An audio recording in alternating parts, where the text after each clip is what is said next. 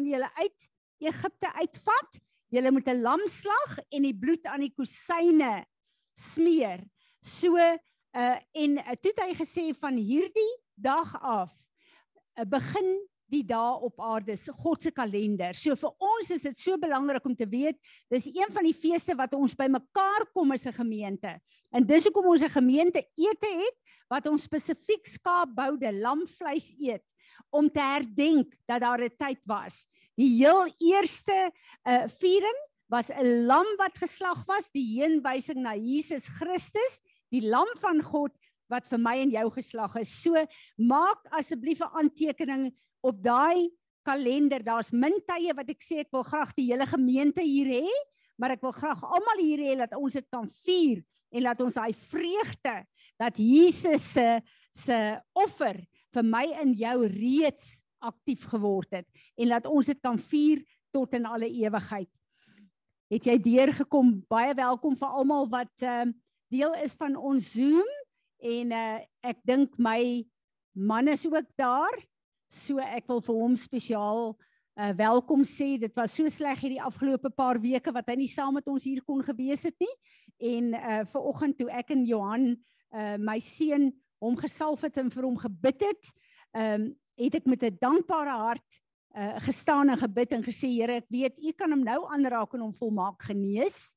U is by magte om dit te doen, maar as U Dinsdag die dokter wil gebruik om dit te doen, is ek baie dankbaar, maar ek wil vir julle sê ter wille van hom, ons is almal as gesin dankbaar want hy het regtig baie pyn. Hou aan om vir hom te bid asseblief. So uh Pessach ehm um, is al wat ek wou afkondig. Uh, ek dink nie daar's iets anderste nie. Uh daar's ook 'n naweek en let wel, dit gaan nie Sondag wees nie, maar begin so lank te bid die 24ste. Ehm um, uh oor so 2 weke gaan ek en 'n groep van ons sieners in Pretoria by bedien by 'n uh, 'n uh, groep mense die Vrydag en die Saterdag en ek weet dit is iets wat die Here wil doen um in Suid-Afrika onder die Afrikaners, maar ook iets wat die Here wil vestig uh in die spanne wat in in ons gemeente funksioneer. So begin asseblief so lank te bid daarvoor dat die Here ons sal voorberei en posisioneer vir dit wat hy daar wil doen. Kom ons staan en ons aanbid die Here.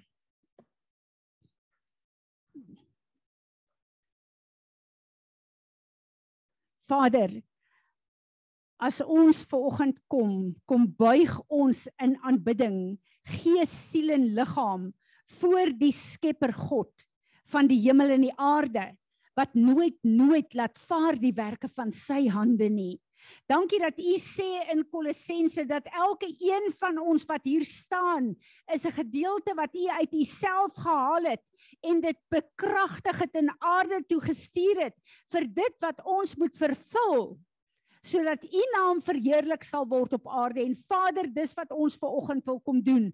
Ons wil in die eerste plek kom en sê dankie. Dankie dat u ons God is. Dankie vir wie u is. Dankie vir wie u ons geskape het om te wees. Ons wil kom en ons wil sê Vader, die naam van ons God is 'n naam bo alle name. Niemand kan met u vergelyk kan eh, word nie, Here. Ons wil saam met die skepping kom juig en getuig dat ons Skepper God is ook 'n liefdevolle Vader wat die grootste offer gebring het om ons terug te verbind aan hom. Ons loof en ons prys U en ons aanbid U, Here. En ons weet vanuit ons menslike verstand sal ons nooit genoeg woorde hê of uh, genoeg begrip hê om U te ken ten volle nie. Maar dit wat ons reeds weet, wil ons na U bring en ons wil vir U sê, Here, ons aanbid U as die enigste ware lewende God wat daar is. Ons kom met dankbare harte ver oggend hier en ons wil vir U dankie sê, Here, dat ons ver oggend hier kan staan met gesonde liggame. Ons wil vir U dankie sê, Here, dat ons genoeg te eet het, genoeg te drink het. Ons wil vir U dankie sê vir U goedheid u beloftes vir u woord wat sê u sal ons nooit nooit nooit in die steek laat nie. Dankie dat ons ver oggend hier kan staan met met die sekuriteit van die woord van ons God, met die sekuriteit van die kruis van Golgotha en laat ons met ons voete op die rots staan en weet ten midde van oorlog, ten midde van soveel aanslae in die wêreld is ons unshakable. Ons staan vas en ewig op die rots van alle e eeue, die ewige rots tot in alle ewigheid. En dankie dat ons geanker is in U. In wie U is en wie U woord is, is ons raamwerk op aarde. Ek bid Heilige Gees van God dat U vanoggend sal kom, sal vaardig raak oor ons elke een. En soos in die begin van die skepping, toe alles chaos was, het U gekom en U het vaardig geraak en U het God se orde kom skep. En so bid ons Here elke plek in ons waar daar storms is, elke plek in ons waar ons bekommerd is, elke plek Here waar ons benoud is, elke plek waar ons kyk na die wêreld en voel dat dit ons wil beïnvloed. Ons wil vanoggend hier staan en sê Heilige Gees bring ons in 'n goddelike orde dat ons hier saam U kan aanbid en die lofprysing bring wat waardig is om U naam te verheerlik. So ek wil vra Gees van God dat U in hierdie oggend sal kom, dat U sal beweeg soos U wil en dat U sal doen wat die begeerte van ons Vader se hart is. En ek bid dat waar ons nou kies om hierdie lofprysing te doen, dat ons gees, siel en liggaam sal inskakel by die natuur by die skepping, maar by die kore van die hemel en dat ons 'n lofoffer sal bring vir u naam wat 'n aangename soet geur vir u sal wees. Here Jesus, dankie dat u die een is wat vir ons die voorreg gee om dit te mag doen vir oggend. Ek bid dat u verheerlik sal word. Amen. Kom ons aanbid die Here vandag met alles in ons. Neem so 3 minute net jy en die Here en sê vir hom waarvoor jy so dankbaar is. Vader, U is so getroue God. Dankie dat alles wat ons nodig het is opgesluit in U. En dankie dat U voorsien in elke behoefte wat ons het, gees, siel en liggaam. Vader, ek wil vandag vir u kom dankie sê vir u wonderwerkende krag in die hele situasie wat gebeur het met Robbie en Monique, Here. Dankie dat ons weet dat u 'n genesende werk in Robbie se hart doen. Dankie dat ons kon saam saam staan. Dankie dat ons saam met Monique en Robbie u getrouheid kon sien en ervaar hierdie week. Dankie dat hy in u hande is. Dankie vir klein Josia. Here, u getrouheid het geen perke nie. Dankie vir dit wat u gedoen het in daai klein liggaampie. Dankie vir u beskerming. Dankie vir die manier wat u vir Sarel en Felia onderneem het, Here, en dankie dat ons as 'n gemeente saam kan juig oor u goedheid en u guns oor ons. Dankie Vader dat ons vir uh, villa voor u kan hou wat nie lekker voel vandag nie. Laat ons Johan met die pyn in sy rug voor u bring. Laat ons vir François met die pyn in sy gesig voor u kan bring, Here.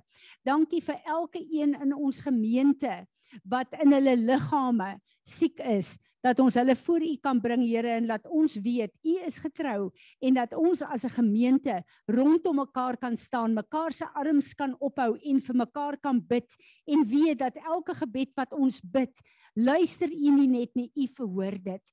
Dankie dat ons vanoggend saam met Madeleine kan staan. Steek julle hande uit na Madeleine toe. Vader, waar sy in 'n krisis is, waar die huis waarin sy bly verkoop is, Here waar sy 'n ander blyplek moet kry. Ons wil vra dat U 'n pad sal maak waar sy nie 'n pad sien vir oggend nie, Here. En ons wil kom en ons wil haar arms kom optel en ek wil uitspreek dat haar getroue hemelse Vader het haar nog nooit in die steek gelaat nie. Daarom kyk ons met 'n afwagting en 'n verwagting uit na dit wat U uh, gaan doen in haar lewe. Here, ons wil kom as gemeente, ons wil jubel en juig oor uh, Fanie en Tanya se hofsaak. Dankie dat ons ons kon beroep op die regverdige regter. Dankie dat ons kon sien hoe u hand in beweging was. Dankie dat ons kan sien, Here, dat alles wat ons na u toe bring, u is die een wat beheer daaroor omdat ons kies om ons lewens en alles wat aan ons behoort onder u beheer te bring. Ons wil u kom aanbid as 'n getroue God as 'n liefdevolle hemelse Vader wat voorsien in al ons behoeftes, Here. Dankie dat U ons God is. Ons wil die lof en die eer en die aanbidding van ons harte vir U kom gee en ons wil kom buig in aanbidding voor U. Amen. Amen. Enige een wat nog 'n gebedsversoek het, wat wil hê ons moet bid vir iets voordat ons gaan begin bid vir die lande?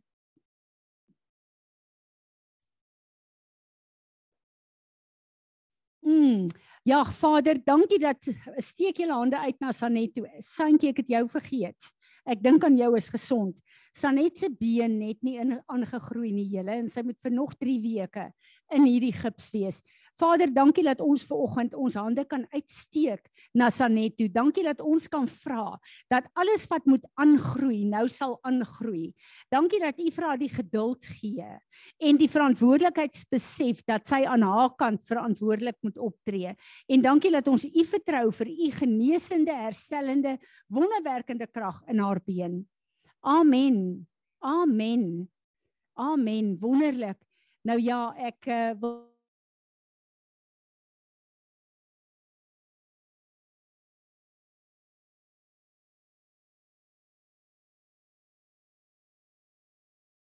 hulle plek van die Here het gesê ek het julle geroep as 'n huis van gebed. Nie net vir onsself nie, maar vir die nasies. So vir ons is gebed in ons gemeente baie belangrik en bid ons vir spesifieke goed. Daarom gaan ek Marinus kry tog die bord vir my oop. Ek gaan vir uh Hetty en ek gaan vir jou vra om vir Suid-Afrika te bid. Uh Riet is Riet op, dan gaan ek vir haar vra om vir Israel te bid. Isie, is jy op? Ehm um, is Isie daar? Uh nee.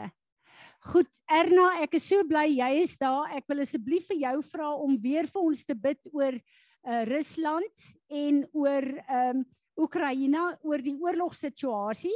Bid asseblief weer vir ons dat ons sal weet dat ons nie kant moet vat nie. Re, daar is jy. Bid vir ons vir Israel asseblief. En uh Pieter, dan gaan ek vir jou vra om vir Amerika te bid. Dankie Etienne, sal jy begin?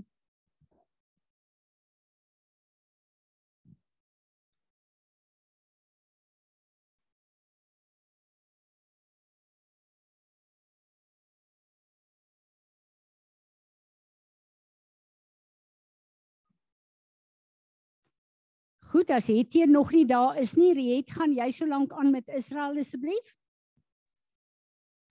Vader, baie dankie dat ons kan kom ver oggend en kan kom deurbuig in aanbidding voor U, Here, om Israel op te dra aan U vandag. Here, dankie dat U die koning van alle konings is, dat U regeer oor die aarde en alles wat daarop is, Here. En daarom weet ons dat Israel is onder U beheer, Here. Al lyk dit nie so nie, al lyk dit asof alles in chaos is en oorlog is oralste. En al lyk dit asof asof ehm um, niks onder u beheer is nie Here. Is u nog steeds in beheer Here? En bid ek net dat u ehm um, Israel sal beskerm Here op elke vlak Here. Hulle regering die mense wat daar is wat nie van u af is nie Here bid ek dat u hulle sal verwyder en sal vervang met godvreesende mense wat u stem hoor en wat gehoorsaam is aan u woord Here Ek bid vir hulle weermag. Ek bid dat U met die jong mense van Israel sal gaan met die families. Here dat U die familiebande sal sterk hou in Israel, Here, en dat ehm um, waar daar sterk families en familiewaardes is, Here, dat dit deel is van Israel se fondasies, Here. Ek bid um, vir enige plek van duisternis, Here, dat U met U lig sal kom en elke duisternis in Israel sal verdryf, Here, en dat U wil geskied in Israel en met elke persoon se lewe, Here, en met die Jode wat U nie ken nie, Here, bid ek vir hulle wedergebore, geboorte, Here, en ek bid dat die mense se harte na U toe sal draai. Dankie, Here, dat ons vir Israel aan U kan opdra in hierdie oggend. Amen. Uh, ek wil voor Erna vir ons bid, wil ek weer eens dit letterlik soos die Engelse sê highlight. Wees versigtig wat jy bid. Daar's soveel oproepe wat sê bid vir die bid vir daai. Ons is aan die Here se kant en in Rusland en in Oekraïne is daar 'n kerk van Jesus Christus wat baie baie swaar kry. En ek wil vir julle sê die kerk in Rusland word nou ook vervolg. So ons moet versigtig wees wat ons bid. Erna, bid vir ons asseblief.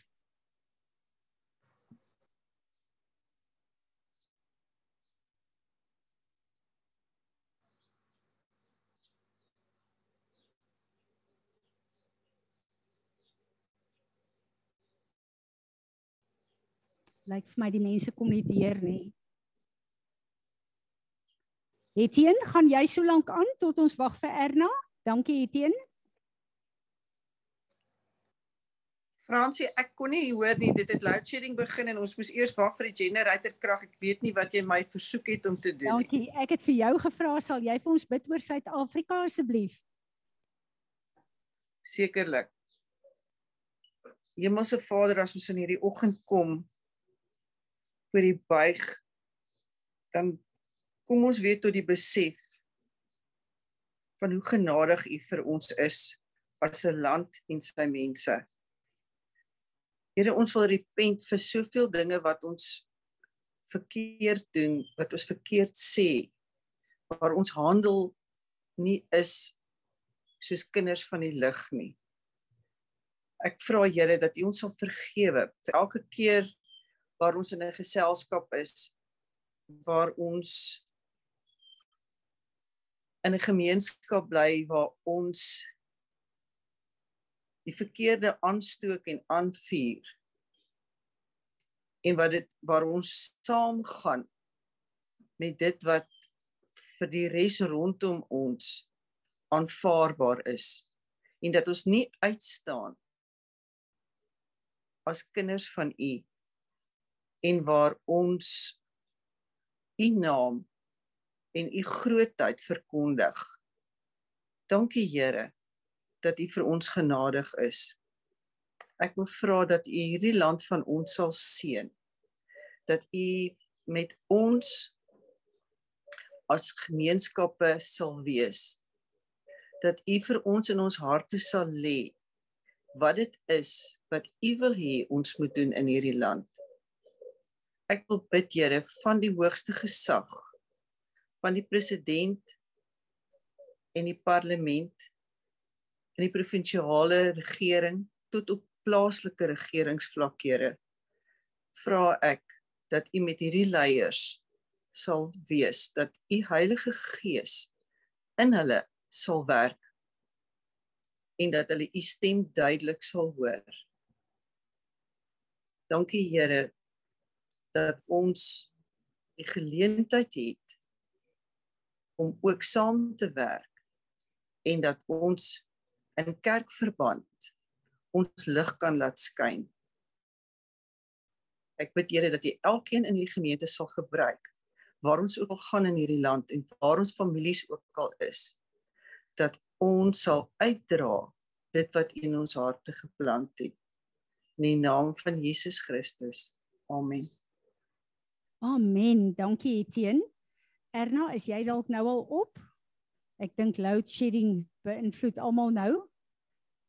En ek weet nie of almal ehm um, ek is hier. Dankie Erna, bid vir ons oor die oorlogssituasie asseblief. Vader, ons kom buig voor U en ons wil eh, vir, vir die Oekraïne en Rusland voor U oplig.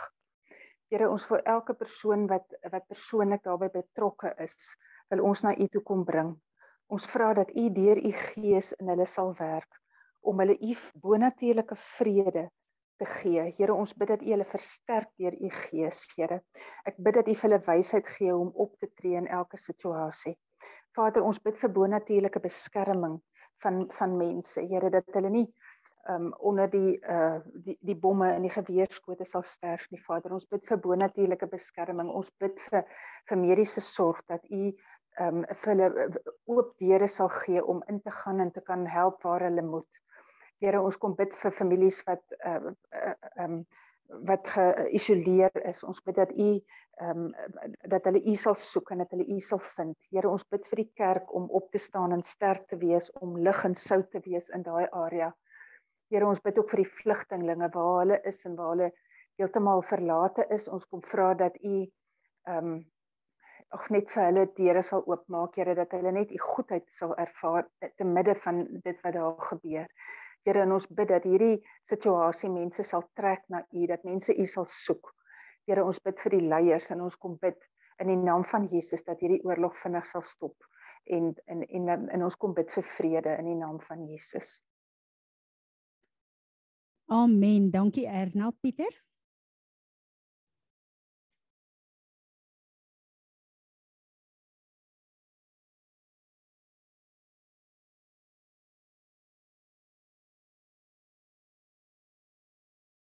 Kan hy deurkom? Goeiemôre Fransie, verwys jy na my? Ek verwys na jou. Dankie Amerika asseblief. Okay. Dankie Hemelse Vader. Dankie Vader dat ons ver oggend in die gaping kan kom staan vir Amerika. Here, U is die Almagtige. U is ook die God van Amerika. En ons bid ver oggend Here dat U U koninkryk sal laat kom, dat U wil sal geskied in Amerika, Vader. Dat van Vader, U is die God van die onmoontlike. Maak ons oë oop vir U wil, Vader. Maak Amerika se oë oop vir U wil. Vanoggend Vader, wil ons bid dat U elke vesting van die vyand sal uitwys sodat ons namens Amerika kan kom en kan kom of vergifnis vra vir die plekke waar waar Amerika uit lyn uit is met u plan. Vader, ons bid dat u vir, vir Amerika 'n gees van oorwinning sal gee in elke hart van van elke mens in Amerika. Ons bid dat Amerika en so ook ons in u wil sal lewe en dat ons so doen en sodoende elke twyfel sal kan aanspreek Vader God. Vader, dit is u tyd hierdie. Soos ons ver oggend gesing het, wil ek ook kom sê Vader, ons is dankbaar dat u leef Jesus Christus en dat ons al ons hoop is in u. Al ons hoop vir totale herstel in Amerika in die harte van die Amerikaanse volk in die harte van elke persoon wat ook bid vir Amerika in die naam van Jesus. Amen. Amen. Dankie Pieter. Vader ons lewe in Afrika. Dankie dat ons ver oggend kan kom en letterlik ons hande kan lê op die nasies van Afrika. En Vader, ek wil bid dat elke gebed wat vandag gebid is vir Amerika en Suid-Afrika en vir Israel, dat dit ook uh gedeponeer sal word in elke nasie in Afrika. Ons bid Here vir goddelike leiers. Ons bid vir regerings wat in 'n godly council begin vergader Vader en laat U letterlik sal kom en al die shepnas wat in die regerings uh korrupte amptenare is dat u sal begin skoonmaak en dat hulle afgestel sal word en dat u Eliakims die uh mense van geregtigheid die plekke in ons regerings sal invat en dat Afrika haar redemptive purpose in God sal begin vervul. Dankie Vader dat as ons kyk na al hierdie nasies dan dink ons, "Sjoe, ons as mense sukkel met 'n menslike verstand om te dink aan wat nou gebid is, maar U is God. U is almagtig, U is heilig en dit wat ons bid en vra is U by magte om te doen. Amen. Nou is dit die belangrikste. Nou wil jy uitstap met Aleandri. Ons gaan nou ons gaan nou vir ehm um, Daniel inseën. So ek wil vra dat Piet en Leandri en ehm um, die twee seuns na vore kom. Dis vir my altyd een van die wonderlikste geleenthede om 'n kind in te seën letterlik in die posisie uh van die gesin, die orde van die gesin wat uh God vir daardie kind bepaal.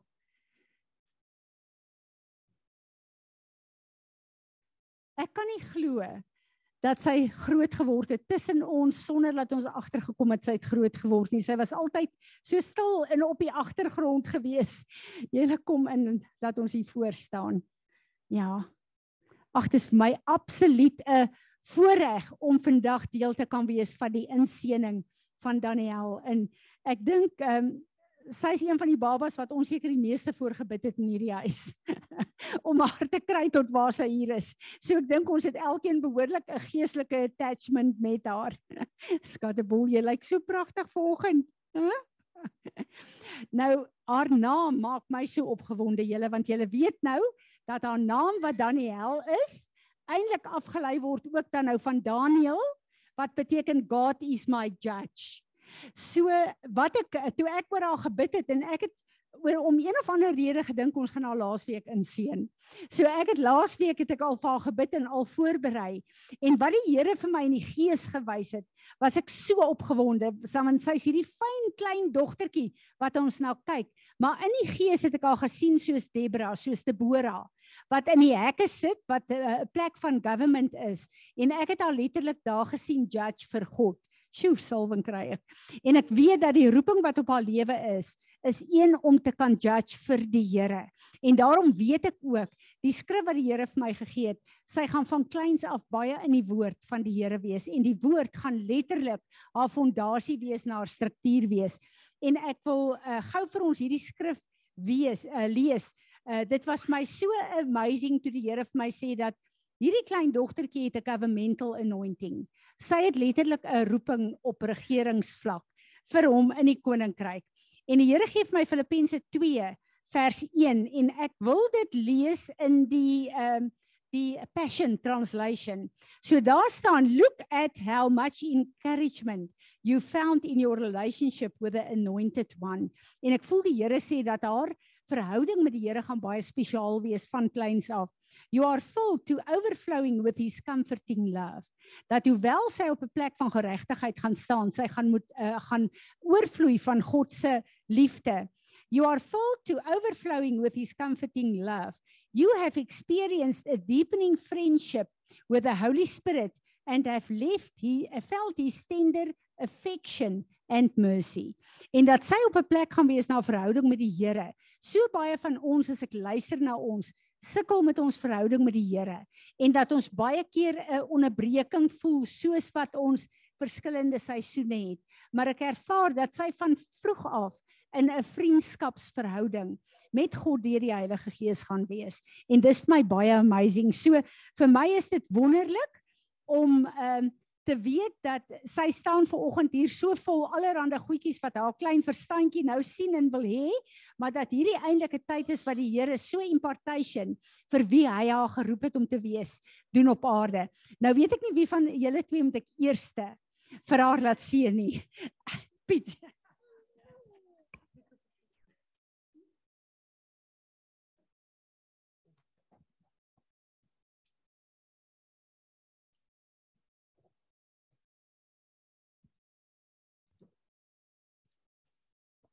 Daniel, little judge, die Here is my regter. Ek wil graag seën met Psalm 139. Met die feit dat jy bewusting sal vind dat die Here jou gemaak het en dat die Here jou ken in alles wat jy is en dat hy jou beplan het vir die grondlegging van die aarde. Mag jy geseënd wees in jou identiteit en mag Vader dit in jou openbaar soos wat jy groter word en mag jy daarin loop soos wat hy jou wys. So ek jy geplant sal wees soos 'n blom in 'n wêreld wat Jesus regtig nodig het as sy verlossing.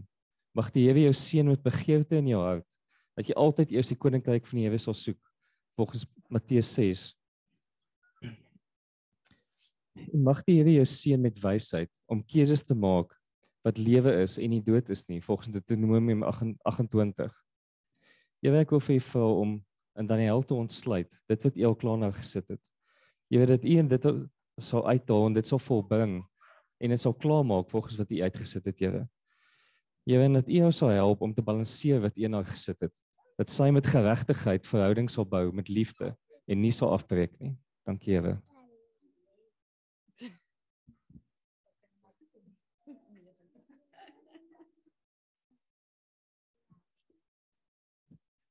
Ehm um, okay, so Daniel was my belofte baba. Die Here het haar vir my beloof nog voordat ons kinders gehad het. So ons ons moes deur 'n proses stap van miskramme, twee seentjies voordat ek vandag kan staan met my belofte baba in my arms. En die Here het in daai tyd ook vir my gesê, Spreuke 3 vers 5 tot 6, vertrou op die Here met jou hele hart en steun nie op jou eie insig nie. Ken hom in al jou weë, dan sal hy jou paaie gelyk maak. Toe ek vir hom gebid het, toe het ek Spreuke 31 vir gekry. Proverbs 31:26 When she speaks, her words are wise and she gives instructions with kindness. My liewe Daniel, mag jy die pad stap wat God vir jou uitgesit het.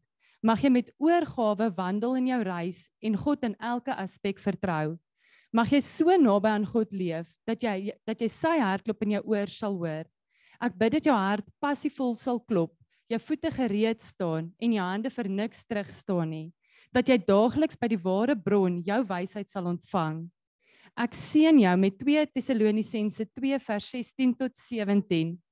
En mag ons se Here Jesus Christus seën En mag ons Here Jesus Christus self en ons God en Vader wat ons liefgehad het en 'n ewige troos en goeie hoop in genade gegee het, jou Daniel versterk in alle goeie woorde en werke. Hoe wonderlik is dit nie vir 'n pa en 'n ma om 'n kind te seën nie. Daniel, ek gaan jou nou salf. En ek gaan nou vir jou handjies oplê. Vader, dankie dat ek nou vir Daniel kan kom salf.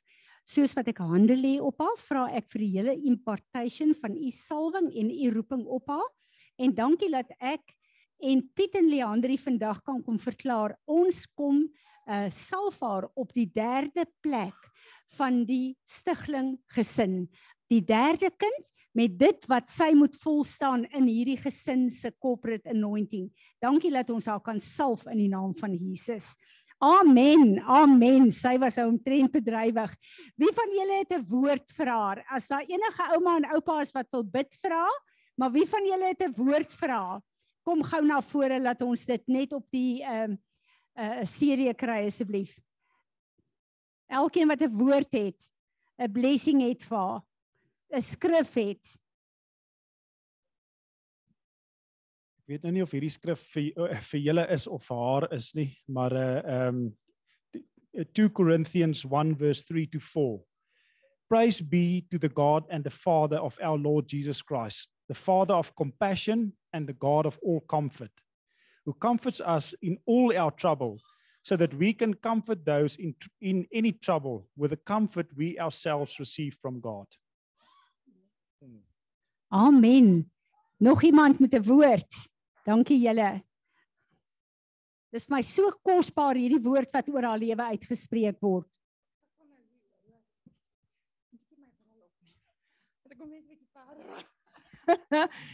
Ek het nou toe daar sit Song of Songs 2 vers 6 en hier staan for his left hand cradles my head while his right hand holds me close and I am at rest in this love. So mag sy van nou van daai liefde rus.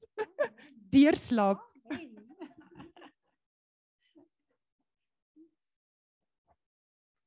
Weet jy nie wat is dit altyd met my en julle kinders in die waarskuwings nie. Ehm um, ons gesing het ver oggend het ons gesing daai laaste lied wat het hy op 'n tyd gesing van dit moet amper dit wat jy glo moet jy kan oordra na jou dogters toe en jou seuns toe. En ek is mos nou hier in die Ou Testament by Samuel besig, maar ek weet in konings lees jy baie keer van van 'n goeie koning wat die Here gedien het en sy opvolger was nou dan nou sy kinders wat ook die Here gedien het en in daai tyd het dit goed gegaan met Israel. Die probleem kom in wanneer jy nie dit wat jy in die Here het kan oordra na jou kinders toe nie en dan begin daai kinders van voor af. So ek voel ek moet vir julle sê julle moet baie konsentreer om haar reg in die weë van die Here groot te maak want dit is nie nodig dat wanneer sy 21 is of 20 en haar eie identiteit begin uitleef dat sy van voor af begin nie. As ons as ons dit doen wat die Here vir ons die opdrag gee om ons kinders reg te onderrig, dan is dit glad dan dan kan sy net waar jy ophou aanstap en dan is dit nie nodig om al die repentance goed en alles van voor af te doen nie. So ek dink is 'n goeie woord maar vat dit ook maar as 'n waarskuwing en ek ek onthou dit ek dink dit was vir Heyman of een wat daar ook 'n 'n goeie woord en 'n waarskuwing by wou vir Nico ja so dis hoekom ek sê Uh, Tannie, ek het ver oggend toe ek vir haar gebid het. Ek nou nie eers geweet of moet ek dit kom sê nie, maar toe het ek gesien hoe sy gesaal word, maar dis nie olie wat uit ek het 'n groot kan gesien wat op uitgegooi word, maar dis nie olie wat uitgekom het nie. Ek het dis hierdie pink roosblare of pink blare. So ek weet nie wat beteken nie. Amen. Uh, ek moet vir jou sê dis 'n groot ding nogal om in ehm um, die Midde-Ooste roosolie te gebruik vir salwing. So waarskynlik het jy dit gesien. Vader, ek wil nou net kom en ons wil vir uh, Daniel voor U oplig, Here, en ons wil elke woord wat U oor haar uitgespreek het, sê dis ja en amen. En Vader, ek wil bid vir Piet en vir Leandri vir goddelike wysheid dat hulle in the council of the Holy Spirit al die antwoorde sal soek en al die uh, raad sal soek vir Daniel maar ook vir die seuns. So ek wil hulle kom seën as ouer met goddelike wysheid. Amen. Amen. Sy het ons net mooi genoeg tyd gegee julle. Dankie. Ek wil 'n aanmerking maak op wat Johan ag wat uh, Marinus hier gesê het. En ehm um, ons het hierdie week er 'n ding gebeur en ek kan dit nou sê want ek sien Abby Abigail is nie hier nie. Uh hierdie klein uh, dogtertjie ehm um, uh, sê vir ek het hoenders en hulle wil graag hoenders hê. En hulle sy sê vir haar pa en haar ma, sy wil 'n girlie en 'n boy hoender hê. Want hulle twee moet marry want sy wil babies hê. en ons lag daaroor en ons besef dat die strukture wat Marinus van gepraat het, is gedeponeer in hierdie kinders en in 'n wêreld waar daar soveel uh seksuele onreinheid is en losbandigheid is, is hierdie klein dogtertjie grootgemaak met 'n idee van heel eerste moet mense trou en dan gaan hulle babatjies hê. En ek besef dis die strukture wat 'n mens met jou leefwyse oordra na die kinders toe sonder dat jy dit agterkom. Wonderlik. Johan, jy kan na vore kom. Dis vir my altyd so 'n voorreg as ek een van ons jong leiers kan vra dat die Here ons deur hulle bedien So in hierdie gemeente het ons regtig 'n klomp jong leiers wat uh, die Here besig is om op te rig en uh, vir ons as die ouer geslag is dit 'n vreugde om dit te kan doen. So Vader, dankie dat ons vir Johan vandag net kan voor U bring en dankie dat hy U instrument sal wees en dankie vir die woord wat U deur hom vir ons gaan bring. Ek bid dat U daardeur verheerlik sal word. Amen. Baie dankie.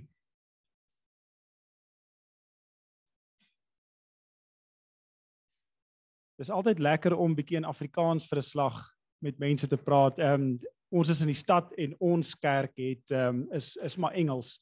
So as ek so bietjie Engels hier en daar ingooi, vergewe my maar ek sal lank in die stad weg hierso van Botawil af so ek sê al klaar ehm um, vra ek om vergifnis daarvoor. Ek wil eerstens begin met 'n skrif ehm um, wat ek meer gaan eindig ook. Die skrif is Jeremia 29 vers 11.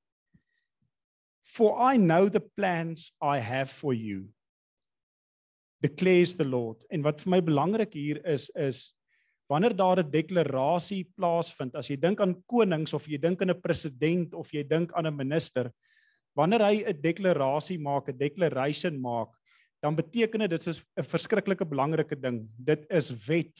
As jy dit so sal stel, mens kan uh, you you can't contest it. Jy kan nie teen dit gaan nie.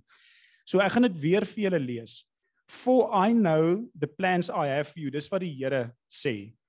Says the Lord and he declares it. Plans to prosper you and not to harm you. Plans to give you hope and to give you a future. En dit is vir my lekker om daaraan te dink want ek sit en dink aan waar ons nou op hierdie stadium is en dit gaan bietjie moeilik en ons is onseker nou met die met ehm um, wat gebeur met Rusland en Oekraïne.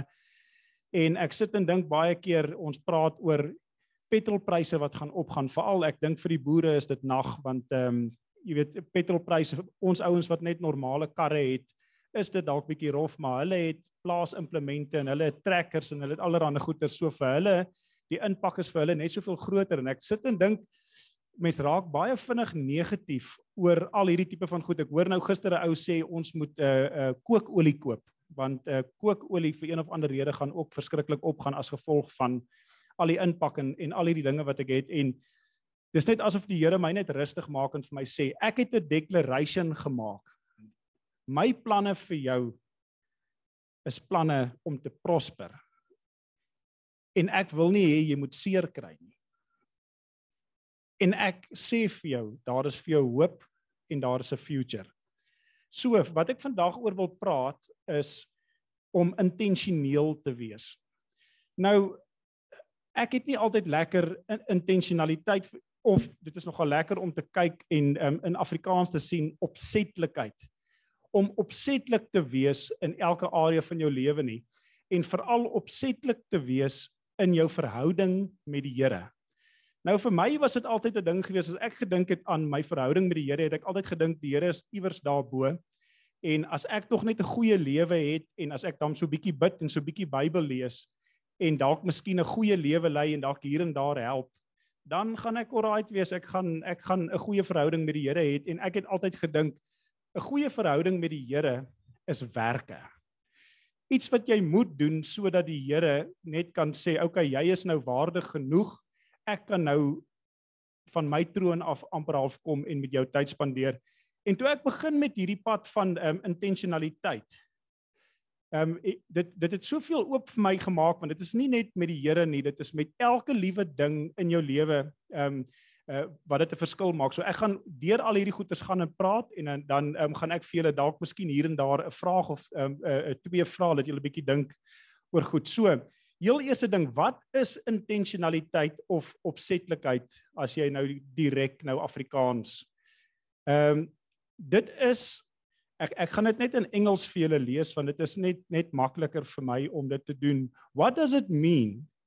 The fact of being deliberate or purposeful.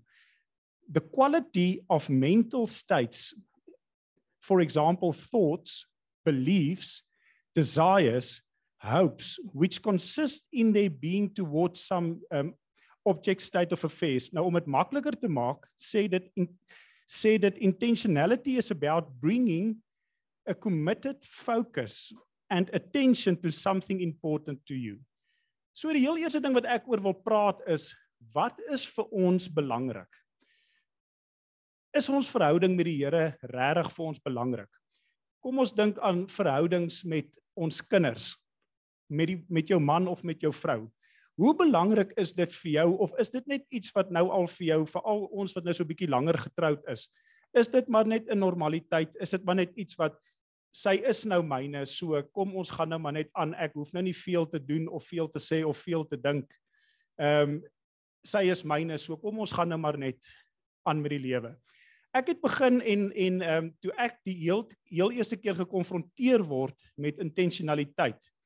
Toe sê hierdie persoon vir my, weet jy wat jou vrou van jou hou en nie van jou hou nie? Weet jy wat irriteer haar en doen jy iets daaraan? En dit het my nogal verskriklik gevang want ek het nooit ek is 'n ou wat maar my vrou is mos lief vir my en ons is relatief gelukkig. Ons beklei nie baie nie. Ons het nie baie striwelinge nie. So ek moet iets reg doen. Ek moet seker seker alright wees. Ek uh ehm um, ek kan nie dink dat daar enigsins iets is wat wat wat haar pla nie. En ek toe toe ek ehm um, ge-challenge word deur hierdie ding, toe gaan ek en ek gaan sit voor my vrou en dit is nogal 'n verskriklike ding gewees om te doen. En ek vra haar die vraag en ek sê wat dink jy wat, wat, is daar goeders wat ek doen wat jy nie van hou nie? Is daar goeders die manier hoe ek my kinders hanteer wat jy dalk gedink het miskien kan ek dit anders doen? Want die probleem wat ons het is ons is baie keer just for the sake of having peace in our homes bly jy stil. Jy sê nie iets nie want net sodat daar nie 'n striweling is nie want ons dink of althans ek dink as daar nie striwelinge in jou huis is nie as daar nie nie miskien 'n 'n 'n bekleierery of 'n ding in jou huis is nie dan het jy 'n goeie huwelik en dan dink jy alles gaan goed en dan jy amper half justify dit en sê nee, ons is nie soos ander mense wat ek hoor die mense hier langs aan skree en gaan te kere. En uh um, so ek is daarom beter so kom ons hou dit net so sodat ons socially acceptable kan wees vir vir um uh, in die samelewing. Dit is nou die leen wat ek geglo het. Ek kan nou nie vir julle praat nie. Maar toe ek sit en ek sit en ek sê vir Kim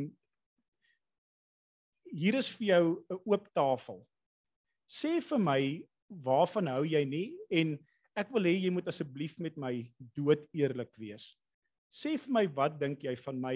Is daar sekere goeters en ek was gelukkig geweest dat sy eers my geaffirm het. Ek het ek het 'n 'n stunning vrou wat my eers geaffirm het, maar toe sy met die goeters begin wat wat wat sy nie van hou nie. Toe besef ek maar ek het dit nooit raak gesien nie. Daar is sekere goeters wat ek oor die lyn trap wat ek nooit ingesien het nie. Ek het gedink omdat sy nooit daaroor gepraat het nie en nooit iets gesê het nie dat dit dit is alright. Dit is dit is ek ek mag dit doen of dit is nie so 'n groot probleem nie. Maar ek wil vir julle wel sê die vrug daarvan toe ons begin en ons in oopheid met mekaar kan gesels en sê hier is 'n paar goedjies wat nie reg is nie en 'n paar goeters wat vir ons moeilik is. toe ons daarin toe weet ek daar's iets wat ek kan en kan werk. Jy weet wanneer jy nie intentioneel is nie en dit is nou met die Here, dis met enige iets. Weet jy nie wat moet jy verander nie? Jy het geen direksie nie.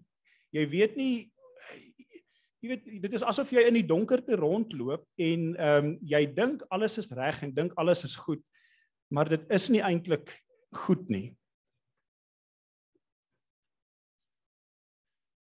Net gou vinnig hierso. Beskryf. OK, so vir my ehm um, het ek ook bietjie gesit en dink aan as jy ehm um, in 'n verhouding is, kom ons sê met die Here het jy sekere goed wat jy glo. Ek het 'n paar goeders oor die Here wat ek glo.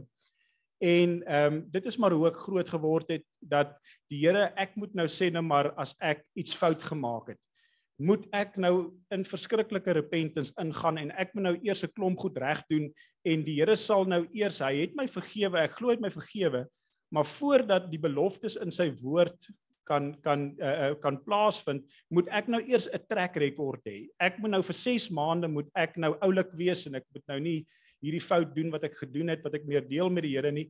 En dan gaan die beloftes vir die Here onmiddellik. Ek het nooit gedink right standing met die Here is iets wat dadelik gebeur as jy regmaak met die Here nie. Ek het gedink jy moet nou eers bietjie net jouself bewys in 'n sin. Ehm um, dit is nou my gedeelte van hoe ek oor oor goeders gedink het in 'n leen wat ek geglo het. So die vraag nou is wat glo jy as jy aan intentionaliteit dink met die Here?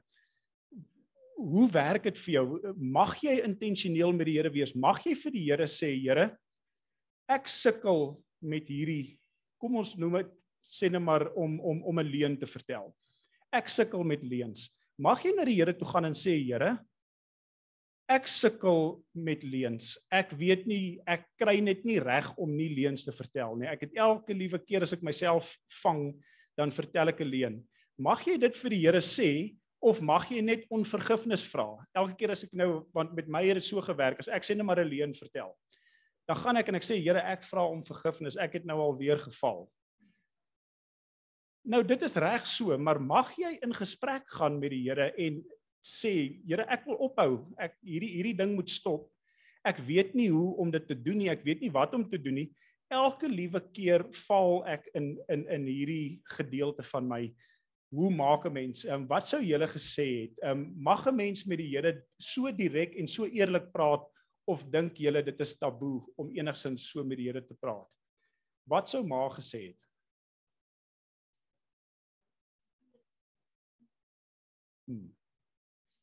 Ja, so vir my het ek agtergekom en dit is die eerste stap wat ek oor wil praat is om dood eerlik met die Here te wees. Of as dit 'n pursuit is in jou huwelik of met jou kinders om dood eerlik te wees en te sê ek het nou die dag met met my jongste Abby moes ek op haar vlak gaan en en ek hou daarvan om af te buig en haar in die oë te kyk en te sê ek wil vir jou om vergifnis vra want die manier hoe ek jou met jou gepraat het as jy iets verkeerd gedoen het is nie reg nie. En ek het agtergekom nou ek is jammer dat ek dit vir 7 jaar gedoen het, maar ek het agtergekom dis nie reg nie. Sal jy asseblief vir pappa vergewe? En dan om te gaan, ehm um, jy weet mense dink jy vra om vergifnis en dis nou alles klaar. Maar daar is 'n ding, ehm uh, uh, as jy uh, ehm um, wat is responsibility in in as jy verantwoordelikheid neem oor iets wat jy meer sukkel alleen, ek weet nie van julle nie, maar ek, alleen kan ek dit nie regkry nie. Wat ek normaalweg doen en wat ek geleer het en wat ek amper half comfort ingevind het, is om na iemand toe te gaan wat ek 'n pad mee stap en te sê, jy weet soos as dit met jou kinders is, gaan ek na Kim toe en ek sê Kim, kyk bietjie asseblief vir my as ek met Abby of met Hannah praat en ek praat nie op die regte manier met hulle nie, ek het dalk my meer verloor. Kyk bietjie en dalk miskien voor ek dit doen, stop my net. Sê net vir my asseblief, ehm um, voordat jy met hulle praat, gaan haal dalk net miskien 'n bietjie asem. Ek ek gaan dalk nou nie daarvan hou as sy dit nou sê nie, maar dit is om iemand in jou lewe in te laat en verantwoordelik te wees oor dit wat jy doen. So dit is nou 'n ding wat wat wat wat ons besig is om te beoefen. Kry ons dit elke dag reg glad nie. Dit is 'n hele nuwe leerskool vir ons. Maar die vrugte wat ek sien is ongelooflik en dis is dieselfde ding met jou verhouding met die Here Ek het iemand wat ek 'n pad mee stap in my verhouding met die Here. Hierdie ou kom elke dag na my toe en sê, "Wat was jou tyd wat jy met die Here spandeer het?" Het jy ver oggend toe jy wakker geword het, heel eers gou op die selfoon gekyk, want dit is 'n probleem vir my. Ek hou daarvan as ek in die oggend wakker word. Ek hou van nuus, ek hou van 'n klomp goeters en dat ek op die selfoon as ek weer sien, dan is alles uh dan is dit tyd om kinders skool toe te vat en dan het ek nie tyd met die Here spandeer nie. So ek het 'n ou wat ek letterlik elke dag check hy by my in omdat ek intentioneel wil wees met die Here en ek wil met hom meer tyd spandeer.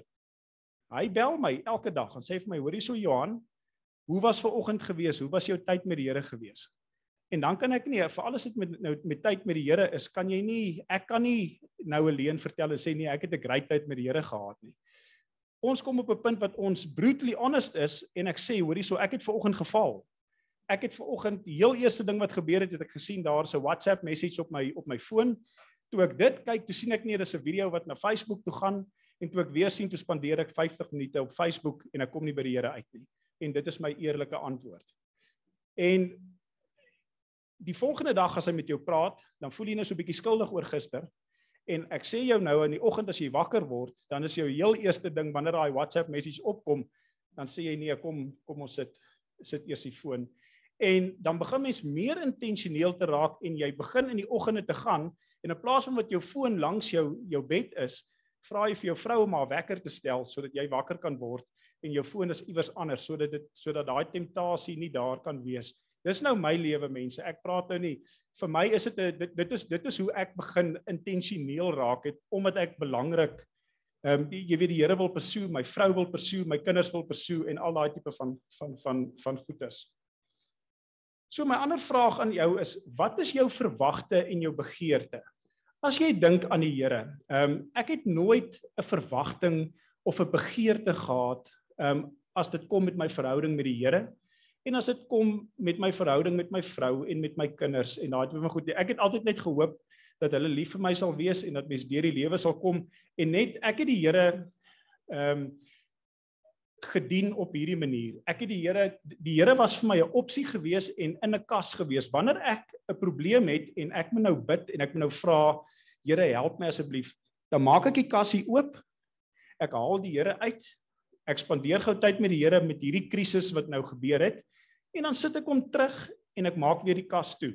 Dit was my eerlik, dit is hoe ek die Here eh, hanteer het. Hy was vir my 'n opsie gewees, iets wat my probleem kan gou vinnig uitsorteer en terugsit en dan gaan ek aan my lewe want dan dan ek mos nou geen niks wat my wat my pla of en dieselfde ding met my vrou. Jy weet dit is lekker om om jy weet in 'n kamer in te stap en te wys kyk hierdie mooi vrou wat ek het en iemand wat wat ehm um, ek gou vinnig kan jy die kinders gaan haal of kan jy die kinders in die bed sit of wie van ons maak kos en dit dit het amper vir my 'n opsie geraak my verhouding met my vrou. Ehm um, dit was nie 'n ding gewees wat ek haar soos toe ons jonger was gepursue het nie. Wat ek vir haar gevra het, luister, wat kan ek doen? Hoe kan ek jou serve? Wat jy weet daai tipe van ding nie. Dit was altyd vir my 'n gemaklikheidsding en meeste van ons mans het die voorreg om vrouens te hê wat servants is. Vrouens dink ek serve baie makliker as wat mans serve. Dit is dis nou net my opinie.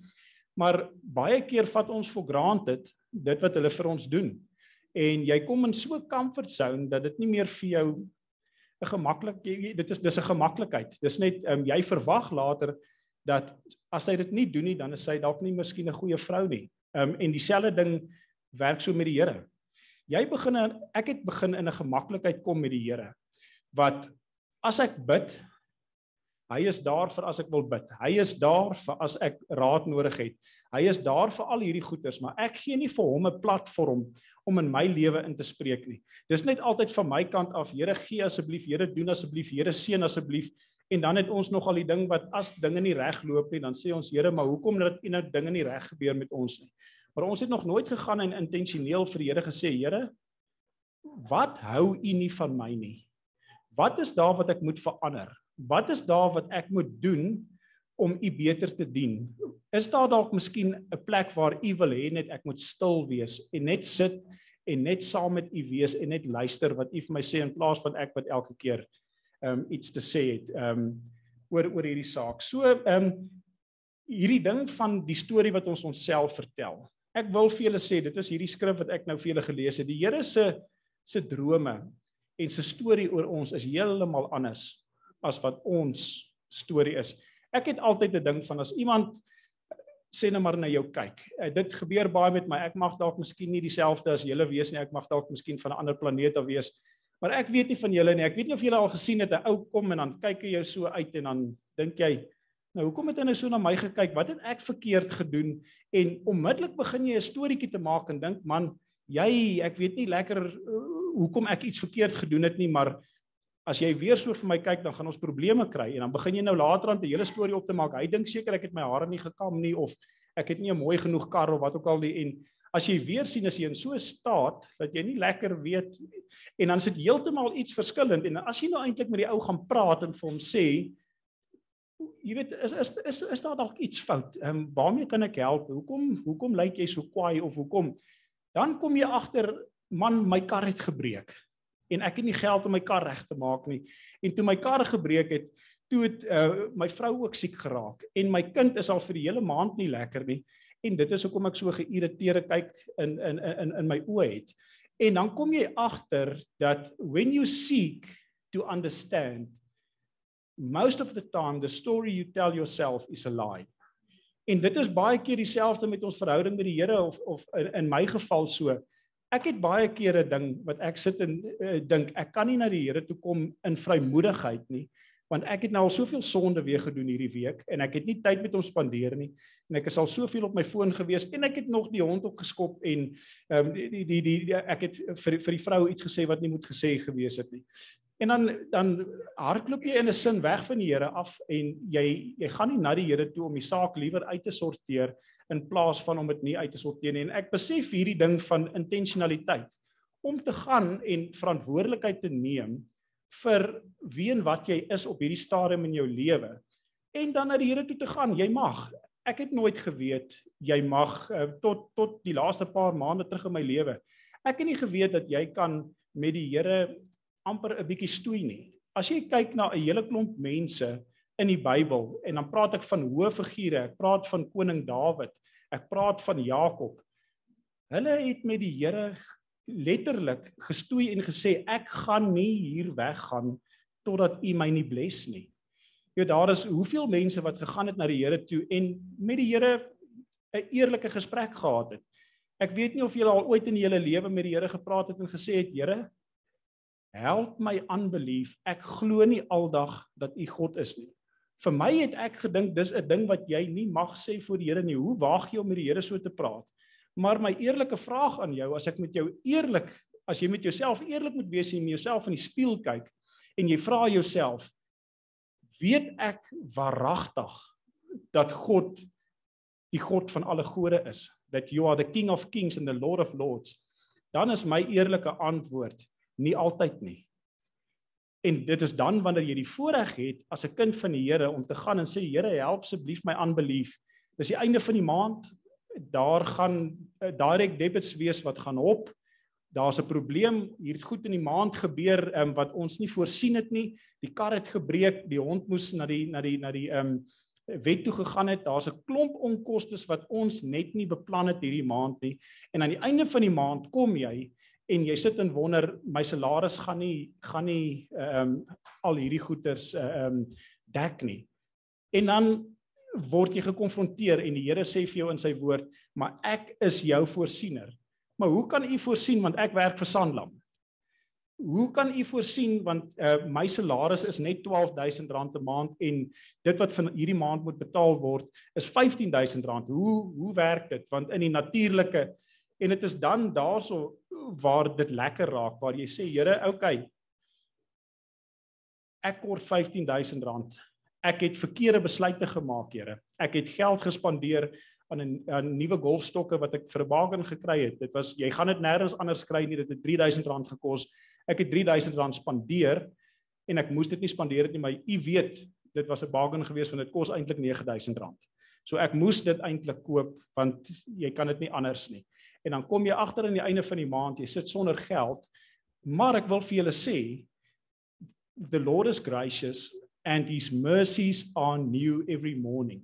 En wanneer jy kom voor die Here en jy kom repent en sê Here ek vra om vergifnis, ek het weer iets gedoen wat ek nie moes gedoen het nie. the right setting is immediate. Wanneer jy kom en repent voor die Here, wanneer hy sê jou sluit is clean en wit, dan is dit clean en wit. Dan is daar nie iets anders tot dit nie. Ons probleem wel is die accuser of the brethren kom en kom sê vir jou in jou oor. Hoor hierso, ehm um, jy het verkeerdelik gewerk met jou geld, say for instance. Wanneer jy vir hom sê ja nee ek het, dan skryf jy weer op daai wit vel wat die Here vir jou gegee het. Skryf jy weer ek het verkeerdelik gehanteer my geld want jy het geagree met die accuser. Jy het nie geagree met die Here wat vir jou gesê het jou sluit is clean nie. So baie keer wanneer daai daai uh, um daai uh, bladsy van ons weer vol geskrywe raak, is dit nie die Here nie. Dis ook nie eers die duiwel nie. Dit is jouself wat gaan en jy gaan skryf op daai blaai ek is nie genoeg nie. Ek is nie mooi genoeg nie. Ek het nie vriende nie. Ek werk swak met my geld. Ek is nie 'n goeie pa nie ek is nie 'n goeie man vir my vrou nie. En al hierdie tipe van dingetjies, all from the accuser, maar ons gee dit lewe. Ek glo nie die accuser het enigsins krag totdat jy dit nie beamoen en dit krag gee nie. Dit is dit is iets wat ek weet nie hoe maar oor dit voel nie, maar vir my as iemand vir jou sê, hoorie so jy is 'n uh, ehm um, sê vir ons as jou hare is te lank uh, vir 'n man is dit nie dis nie mooi om lang hare te hê nie. En jy glo en beamoen dit, dan is dit die waarheid. Maar wanneer jy sê jong ek weet nie my vrou sê ek is pragtig met die lang hare, ek in in actual fact ek dra die lang hare spesifiek vir haar. Dan is dit kragteloos want want wie se wie wie wie beamoen dan dit? En dis presies dieselfde ding met die Here ons identiteit in die Here. Wanneer iemand vir jou sê jy is nie 'n goeie kind vir die Here nie, jy's nie 'n goeie pa nie, jy is nie 'n goeie mens nie. Dan gaan ek altyd net na die woord toe en ek sê, "Wel, ek het in right standing by die Here gekom. Ek het om vergifnis gevra. Al hierdie goeders mag dalk waar gewees het, maar wat die Here vir my sê en wat die Here se storie oor my is, is heeltemal anders as dit wat jy nou vir my sê." ja, het ek werk nodig. As ons nie werk nodig het, het ons nie die Here nodig nie. Ehm um, so ek prys die Here dat daar elke nou en dan nog goedjies is wat ons aan moet werk. Anders sou ons in die hemel gewees het en ons sou ons nie die werk nodig gehad het nie. So ek wil vir julle sê, ehm um, met hierdie ding van intentioneel wees. Die ander probleem wat ons het is wanneer jy begin intentioneel raak, dan kom die accuser weer eens en hy sê wel jy moet nou jy moet nou nie hipokrit wees nie. Jy moet nou nie gaan en sê ek moet nou ek wil intentioneel raak nie en jy's net met een ding intentioneel nie. Jy moet nou met 10, 15 goed intentioneel raak sodat jy 'n goeie mens kan wees en dat jy moet nou kan sê ek is nou intentioneel oor goeders. So ek wil vir julle sê as julle sou op hierdie uh, pad van intentionaliteit loop, begin klein. Begin met iets klein. Sê vir die Here, Here, in plaas van al 50000 sondes wat ek het wat ek oorwinning in wil hê. Kom ons begin met een ding. As jy intentionaliteit met jou vrou sê nou maar wil hê of met jou man wil hê. Kom ons begin met een ding. Moenie die onderbroek in die middel van die van die van die kamer los nie. Gaan gooi hom in die wasmandjie. Begin met daai heel eerste ding.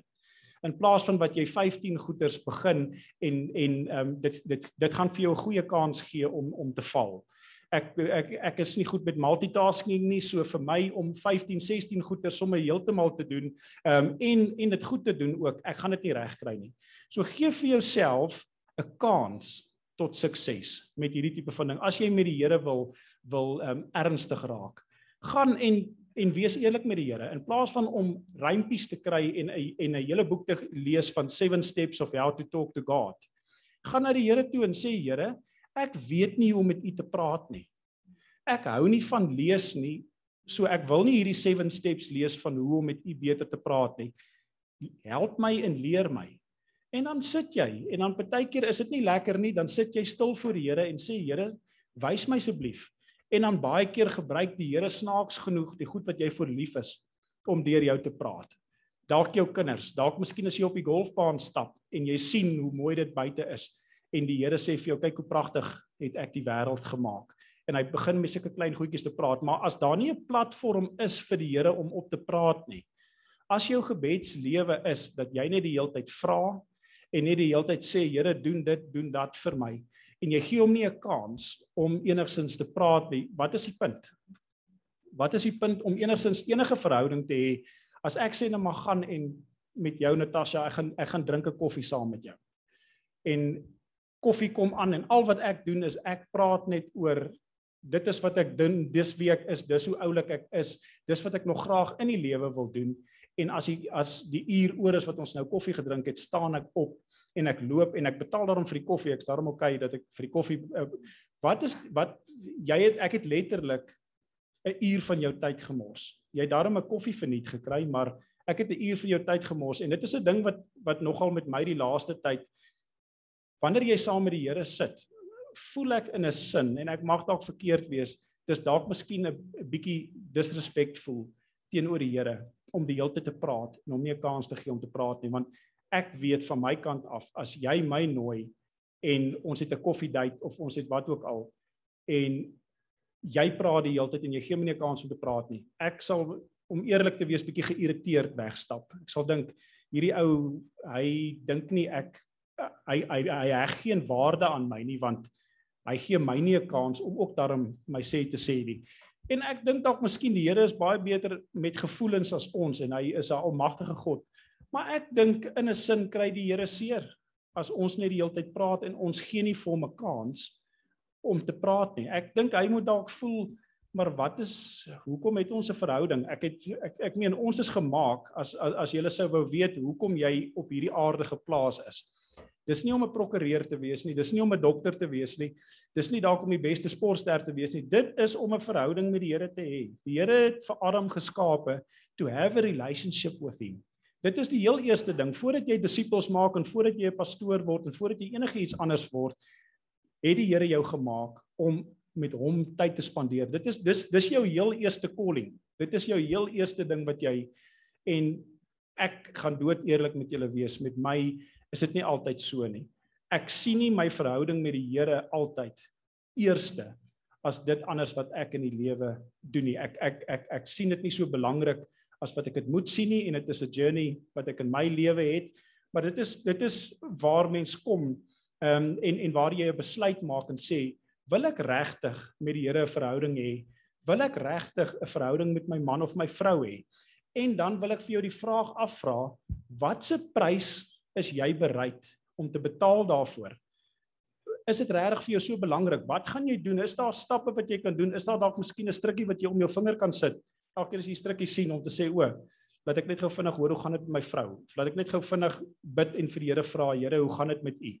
Is daar dalk miskien iemand wat jy in jou lewe moet toelaat wat nie altyd maklik en lekker is nie om te sê, "Ek check by jou in een keer 'n week." Hoe gaan dit met jou verhouding met die Here? vertel my wat het gebeur? Wat het wat het die Here vir jou gesê? Het hy dalk niks vir jou gesê nie of het hy iets vir jou gesê? Of net om brutally honest te wees en te sê, as ek voor die Here sit, is dit vir my seën tergend. Ek weet nie wat om vir die Here te sê nie. Nou dat alles weggevat word en al die tools van die tafel afgehaal is en al my rympies wat ek bid en al my skriffies wat ek lees weggevat word, wat nou? Nou sit ek voor die Here, die almagtige God van die hemel en aarde en hoe maak ek? Niemand het my nog nooit geleer om te sit en met die Here tyd te spandeer nie. Niemand het vir my gesê ek mag met die Here normaalweg praat nie. Ek praat nie van disrespectful wees nie. Dit is vir my baie belangrik dat mens ehm um, die Here moet respekteer. Ek voel nie hy is 'n uh, soos wat baie van die mense sê 'n maatjie of 'n buddy of 'n of 'n ding nie. Ek ek voel nie dit is die Here nie. Die Here is wel 'n vriend, nader as enige broer. Die Here is jou Vader, hy is jou verlosser. Hy is jou saligmaker. Maar jy kan met hom gesels. Jy kan vir hom sê, Here, ek is moeg vir hoe ek op hierdie stadium lewe. Dit wat ek doen is nie altyd 100% reg nie en ek voel nie vervuld nie. U in u woord sê ehm um, dat dat dat dat ek sal vreugde en vrede en dat ek sal 'n uh, 'n um, uh, hoop hê en soos wat ons hier gelees het, 'n um, 'n future sal hê. Maar Here, ek glo dit nie ek kyk na na Rusland. Wat gebeur as Ramaphosa gaan sê, luister, ek wil ook nou ehm um, vir julle sê om op te hou en vir een of ander rede sê Putin luister man kom ek sorteer julle gou vinnig hier uit en ek stuur 'n bom bietjie Suid-Afrika toe net om vir jou te sê ek is baas. Kom ons gestel so iets gebeur. Wat is ons future dan? Jy weet hoe werk die dinge daar? Kom ons sê die petrolprys gaan met R40 op. Hoe dan? Wat gaan die boere ek ek ek ek, ek weet nie eers wat julle wat sal julle doen as as as as as die petrolprys R40 opgaan? Of ehm um, julle het, het het soveel meer, ek meen al die boere het soveel meer goed wat hulle in gedagte moet hou. Jy weet, gaan daar dalk nog 'n future wees? Ehm um, as hierdie goed gebeur, hoe praat mens met die Here daaroor? Gaan mens vir die Here sê, Here, nou hoe maak ek nou? Ehm um, dit is nou ek kan nie meer petrol bekostig nie. Uh, jy weet hierdie tipe van goeder is realiteite. Ek wil julle net sê, julle mag met die Here praat oor hierdie goeders. Jy mag met die Here praat en sê Here, ek is bevrees. Ek kyk na my kind en ek weet nie hoe om te maak nie. Hy loop 'n pad wat ek nie wil hê hy moet loop nie. Dit lyk of hy ehm um, van die pad af is. Hoe Here asseblief, help my. En dan sal die Here um, hy sal 'n antwoord gee of hy sal 'n uh, eh, um, met my male uh, was dit 'n ding gewees wat wat die Here vir haar 'n belofte gegee het en gesê al jou kinders sal gered wees. Nou wanneer jy kom en meeste van jou kinders is gered, maar een is heeltemal aan die ander kant en en en dit lyk nie of daar ooit 'n kans tot redding sal wees nie. Wat sê jy dan vir die Here? Is jy eerlik met die Here en sê Here, u belofte het gesê my kinders sal gered word, maar ek het 'n probleemkind. Hoe moet ek maak? Wat moet ek maak? Ek glo nie aldag want Here, hier is die feite. Die feite is hy of sy is so so so en so en dit is so ver van die Here af soos wat 'n mens kan kry. Is daar dalk miskien 'n plek waar iemand op egskeiding staan en waar die Here 'n belofte gegee het en gesê het julle sal 'n goeie lewe saam hê en julle sal in 'n in 'n goeie huwelik wees maar op hierdie stadium op papier lyk dit nie so nie. Kom ons praat oor kanker. Kom ons sê jy is siek en jy weet die dokter sê vir jou 4 5 maande en dan is jy nie meer met ons nie. Maar die Here het vir jou 'n belofte gegee en vir jou gesê jy gaan nog 'n lang lewe hê en jy gaan jou kinders um, sien groot word voor jou en daai tipe van ding. Gaan jy dan jou mond hou en nie met die Here daaroor praat nie of gaan jy die vrymoedigheid hê en sê Here al glo ek of he, al het ek geglo dat ek nie met u hierdie goeters kan bespreek nie wil ek dit met u bespreek Die Here wil hê ons moet enige iets deel. Die eh, enige iets. Ehm um, ek wat my hare verloor. Hy wil tot hê ek moet met hom praat en sê Here, ek hou nie van wat ek in die spieël sien nie. Ek weet nie ook of ek hare verloor nie. Hoekom kan ander mans lekker lang hare hê en en vir my het ek 'n probleem. Ek lyk heilig voor ek heilig moet wees met die met die heilou hier op die kop.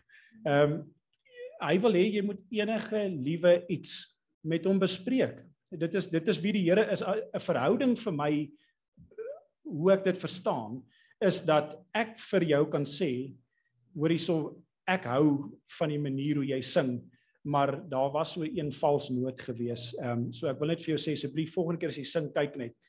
Maar dan dat die ander persoon vir my kan sê hoor hierso ehm um, onthou net ek gaan vir jou verjaarsdag net vir jou gehoor toets koop want ek dink jy het verkeerd gehoor. Jy weet dit is vir my 'n verhouding. Ehm um, wat help dit ons is Christene en ons sê ons het 'n verhouding met die lewende God. Maar wanneer iemand vir ons verragtig vra, het jy 'n verhouding met die Here? Wat sê die Here vir jou? Wat praat hy met jou? Dan het jy nie 'n antwoord nie. Dan kan jy nie sê nie, want jy het nooit probeer nie. Die Here is almagtig en die Here is lewend en die Here is daar. En ons almal is geregtig as kinders van die Here tot 'n awesome verhouding met die Here. Maar ek wil vir julle sê die enigste manier om daar uit te kom is om regtig jou fokus te stel en intentional te wees en te sê gee nie om wat gebeur nie ek gaan my fokus stel om 'n verhouding met die Here te hê of 'n goeie marriage te hê of 'n goeie verhouding met my kinders te hê en jy weet die lekker ding daarvan sodra jy jou fokus op 'n ding sit dan's al die leuns en al die ander goedjies is weg. Want jy hou jou oë gefokus op een ding. En as jy jou oë gefokus hou daarop, ek wil julle waarborg julle verhoudings met uh, met die met die Here, julle verhoudings met julle kinders, met julle vrouens, met julle mans. Daar gaan definitief 'n verskriklike groot groei wees en ek wil vir julle sê dit is 'n lekker groei. Dit is lekker om te kan sien en om die vrugte te kan pluk. Dis dalk nie lekker om deur die proses te gaan nie. Dis dalk miskien vrees aan jaand om voor die Here te sit en te sê Here, dis die eerste keer in my lewe, ek is 40 jaar oud, ek sit voor U. Weet nie Daar's nie boeke wat vir my sê hoe ek met u moet praat nie. Daar is 'n klomp boeke wat dalk miskien ouens wat idees het wat vir hulle werk. Ek het dit alles probeer, maar dit werk nie vir my nie. Here, ek het deur al sewe hierdie stappe gegaan wat hierdie boek gesê het en tog voel dit nie of daar 'n verskil is nie. Ek voel nie of ek u stem hoor nie. Ek voel nie of u in my lewe is nie, maar ek het tog alles gevolg. Here, ek het opgegee om op te hou rook. Ek het opgegee om uh, ek het opgehou drink. Here, ek het opgehou om saam met slegte vriende uh um tyd te spandeer. Here, ek het al hierdie goed opgegee, maar as ek eerlik met u moet wees, sit ek hierso en ek weet nie of u die waarheid is nie. Ek het nog nie 'n encounter met u gehad soos wat ander mense sê nie. Ek het nog nie 'n engelveer gesien val uit die hemel uit nie. Wat ek nie weet of dit die waarheid ooit is nie, maar ehm um, dit is my dis my sienings uh is punt as iemand anders dit gesien het baie baie goed. Maar dit is die goed wat ek meer ehm um, en tot ek begin regtig intentioneel met die Here wees en vir hom 'n platform gee om ook daarom te kan praat. Toe ewe skielik toe verander alles in my lewe. So ek wil julle net vandag ek ek gaan klaar maak weer eens met daai skrif. Ek wil wil julle net encourage begin intentioneel te raak in die goed wat vir jou belangrik is of die goeders wat jy graag belangrik vir jou sal hê en nog nie so belangrik is soos wat dit moet wees nie. Kry vir jou iemand om die pad saam mee te stap. Moenie alleen die pad stap nie. Isolation werk altyd so die grootste wapen van van van van van um, die duiwel is wanneer dinge begin moeilik raak of wanneer jy 'n fout maak. Onmiddellik sê jy ek sal dit self uitsorteer en jy stap terug en jy laat nie mense in jou lewe toe nie. Die ongelukkige ding daarvoor is, ehm um, daar is 'n prinsip in die Bybel wat sê 'n 1000, jy kan 'n 1000 verslaan, maar twee sal 10000 verslaan. So wanneer jy eh, ek dink die duiwel is nogal goed met met met met uh, ehm um, wiskunde. Wanneer jy alleen staan, het hy 1000 pile nodig om jou te laat val. Maar wanneer jy iemand in jou lewe toelaat en sê staan saam met my toe nou hierdie ding, dan moet hy 10000 pile ehm um, vuur om jou te laat val. Hoekom gaan hy so dom wees om dan jou daar's mos nege ander ouens wat kan val wat alleen staan. En dit is dieselfde ding soos uh, uh, in die natuur. Jy sal sien altyd die swakkeling um, as jy kyk na die diereryk. Ehm um, die die leeu's is altyd besig met die met die swakste ene. Hulle sal nie iemand sterk um, aanval nie. Hoekom sal hulle hom aanval? Hulle wil nie seer kry nie. Hulle is nie dom nie. So kyk uit vir vir dat, dat jy jouself nie isoleer nie. Wanneer jy voel dat jy geval het, val ten minste na die Here toe in plaas van om 2 weke weg te hardloop van die Here af omdat jy skaam is, gaan die Here weet wat jy gedoen het. Jy kan nie wegsteek van die Here of nie. Gaan en as jy 'n fout gemaak het, gaan en sê Here, ek het nou al vir die 9775ste keer dieselfde fout gemaak. Here, asseblief help my. Ehm um, vergewe my en kom ons kyk dat ons oor dit kom. So wees intentional, wees responsible. Kry iemand om saam die pad ehm um, meer te stap en jy sal sien ehm um, dat jou fokus van die storie wat jy jouself vertel heeltemal verander en jy gaan counsel hê van mense wat nie in dieselfde situasie is nie wat dalk miskien bietjie kleerder kan sien wat jy deurgaan. Ek wil weer eens hierdie skrifgedeelte lees. Jeremia 29 vers 11. For I know the plans that I have for you, declares the Lord. It's plans to prosper and not to harm you. It is plans to give you hope and give you a future. Die enigste manier hoe jy weet wat die plan vir jou lewe gaan wees of is, is om intentioneel met die Here te wees en by hom te gaan uitvind in plaas van iemand anders wat dalk miskien 'n idee het wat die Here vir jou instoor het. Baie dankie vir die voorreg.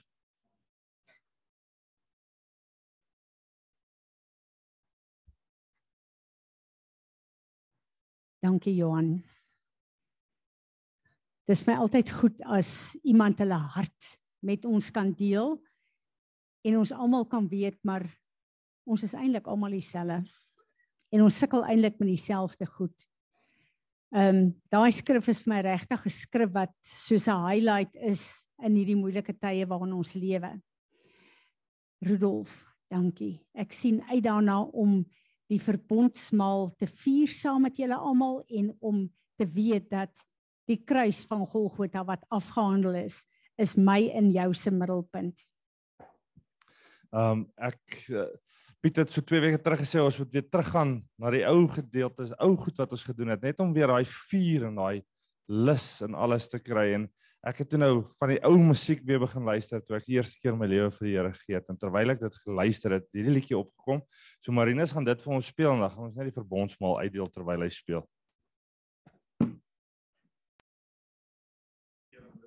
Dit is nou ek het vergeet daarvan. Maar ehm um, toe tannie Fransie my vanoggend vra ek moet die verbondsmaal doen. Ek het 'n hele ruk gevat voor ek vir haar gesê het ek sal dit doen want ehm um, ek het in die week al met Marinus ook daaroor gepraat. Ek wil vir julle 'n stuk lees en dan dan sal ek vir julle verder vertel. Ek hierdie is Hebreërs 12 van vers 1 af. En die opskrif is loop die lewenspad met volle oortuiging agter Jesus aan. Die lewe is soos 'n wedloop. Op die paviljoen het ons die skare mense wat voor ons met geloof en vertroue in God geleef het. Hulle moedig ons aan om gelowig vol te hou met die wedloop. Laat ons dan ontslaa raak van enige iets wat ons hinder om die wedloop van die lewe behoorlik te hardloop. Dis vir al die sondes wat ons geduldig wil potjie. Laat ons soos die ander gelowiges hardloop met alles wat ons het. Laat ons maar net die wedloop hardloop deur op Jesus te konsentreer. Hy het vir ons gewys wat dit beteken om op God te vertrou en hy sal ons tot aan die einde daarmee help sodat ons geloof sal bly wat dit behoort te wees. Dink aan sy voorbeeld, die skade en die die skande en vernedering van die kruis wat nie vir hom te veel was nie. Hy het dit alles verdra omdat hy geweet het dat daar soveel blydskap daar vir hom wag. Kyk nou net. Nou sit hy op die ereplek by God in die hemel. Hou hom gedurig in ons gedagtes. Dink aan alles wat hy moes deurmaak. Ja, aan al die slegte dinge wat die sondige mense aan hom gedoen het. As jy sy voorbeeld volg, sal jy nooit moedeloos word en tou opgooi nie. Nou ander uh, vertaling sê ons moet ehm um, volhou in die geloof. Eers, maar ek weet nie altyd of dit so maklik is nie, maar vanoggend het ek net weer besef hoe belangrik dit is om in 'n gemeente te wees. Want met die goed wat ek sukkel, as ek by die huis gesit het en nie eers die moeite gedoen het om Zoom aan te sit nie. Die Here het dit vir Johan gegee. Hy het vandag gekom en hy het met ons kom praat daaroor.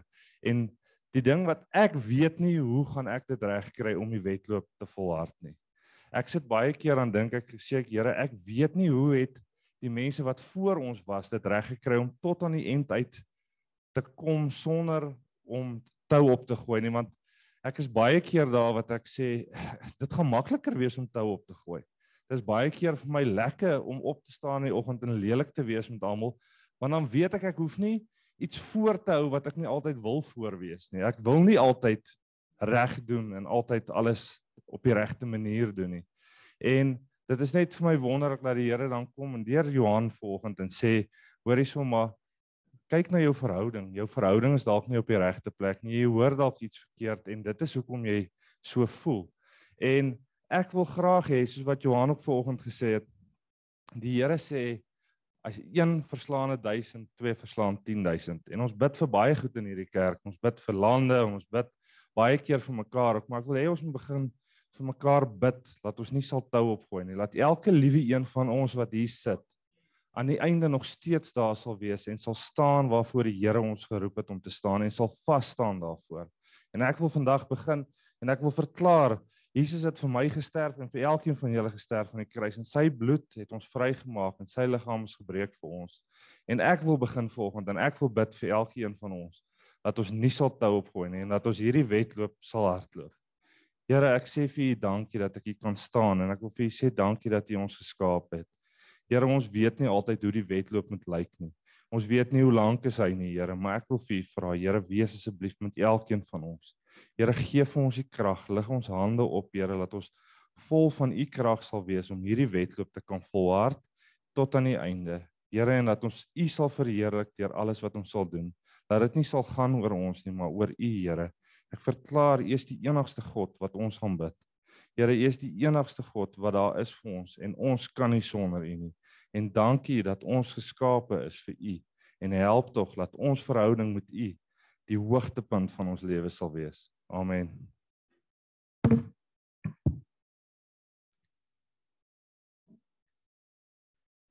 Tanya, jy vir ons 'n woord.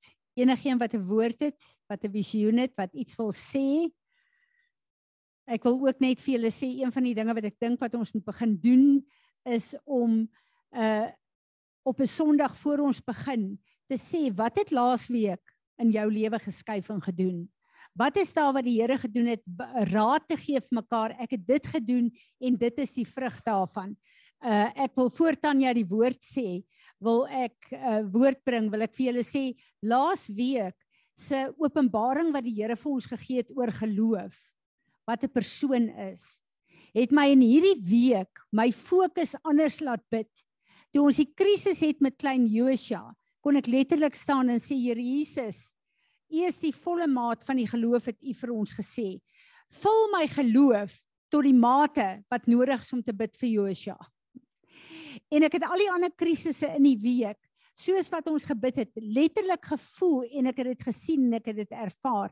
En dis hoekom ek so dankbaar is om deel te wees van die huis dat wanneer ons in krisisse is en ons weet ons staan nou saam met Madeleine, ons bid saam en ons vra die Here en ons sien saam hoe die Here antwoord en ons rejoice saam. Dis vir my so lekker, dis wat Paulus bedoel van die gemeenskap van die heiliges. Dis hoekom Jesus gemeentes geroep het om hom saam te dien. Ja, dankie. Ek wil graag met julle deel. Ek was so 'n pingpongballetjie Vrydag. Ons het 'n hengse geveg gehad in 'n hooggeregshof met 'n man en uh, ek het so 'n handjie vol my tribe, ek sê hulle is my tribe. Het ons hierdie ding gedra en gepeppa en my man opgelig van dit was rof. En uh, julle seker 'n jaar en 'n half, 2 jaar terug het ek hierdie skrif gelees for he has marked out our inheritance ahead of time putting us in the front of the line, honoring Jacob, the one he loves.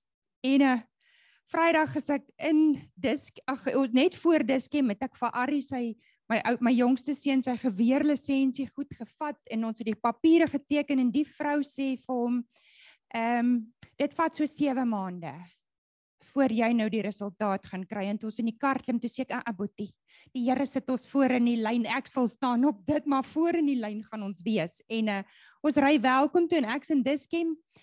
En uh, die maskertjie op en ons ek hy's nie by my nie. En Fanie bel en hy sê my vrou die Here die regter het die saak geskraap van die rol met koste.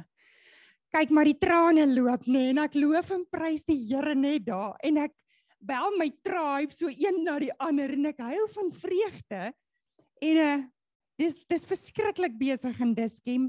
En daar seker so 15 20 mense in die tou en hulle is al hier om die draai by die by die koeldrank en ek gaan staan met my mandjie.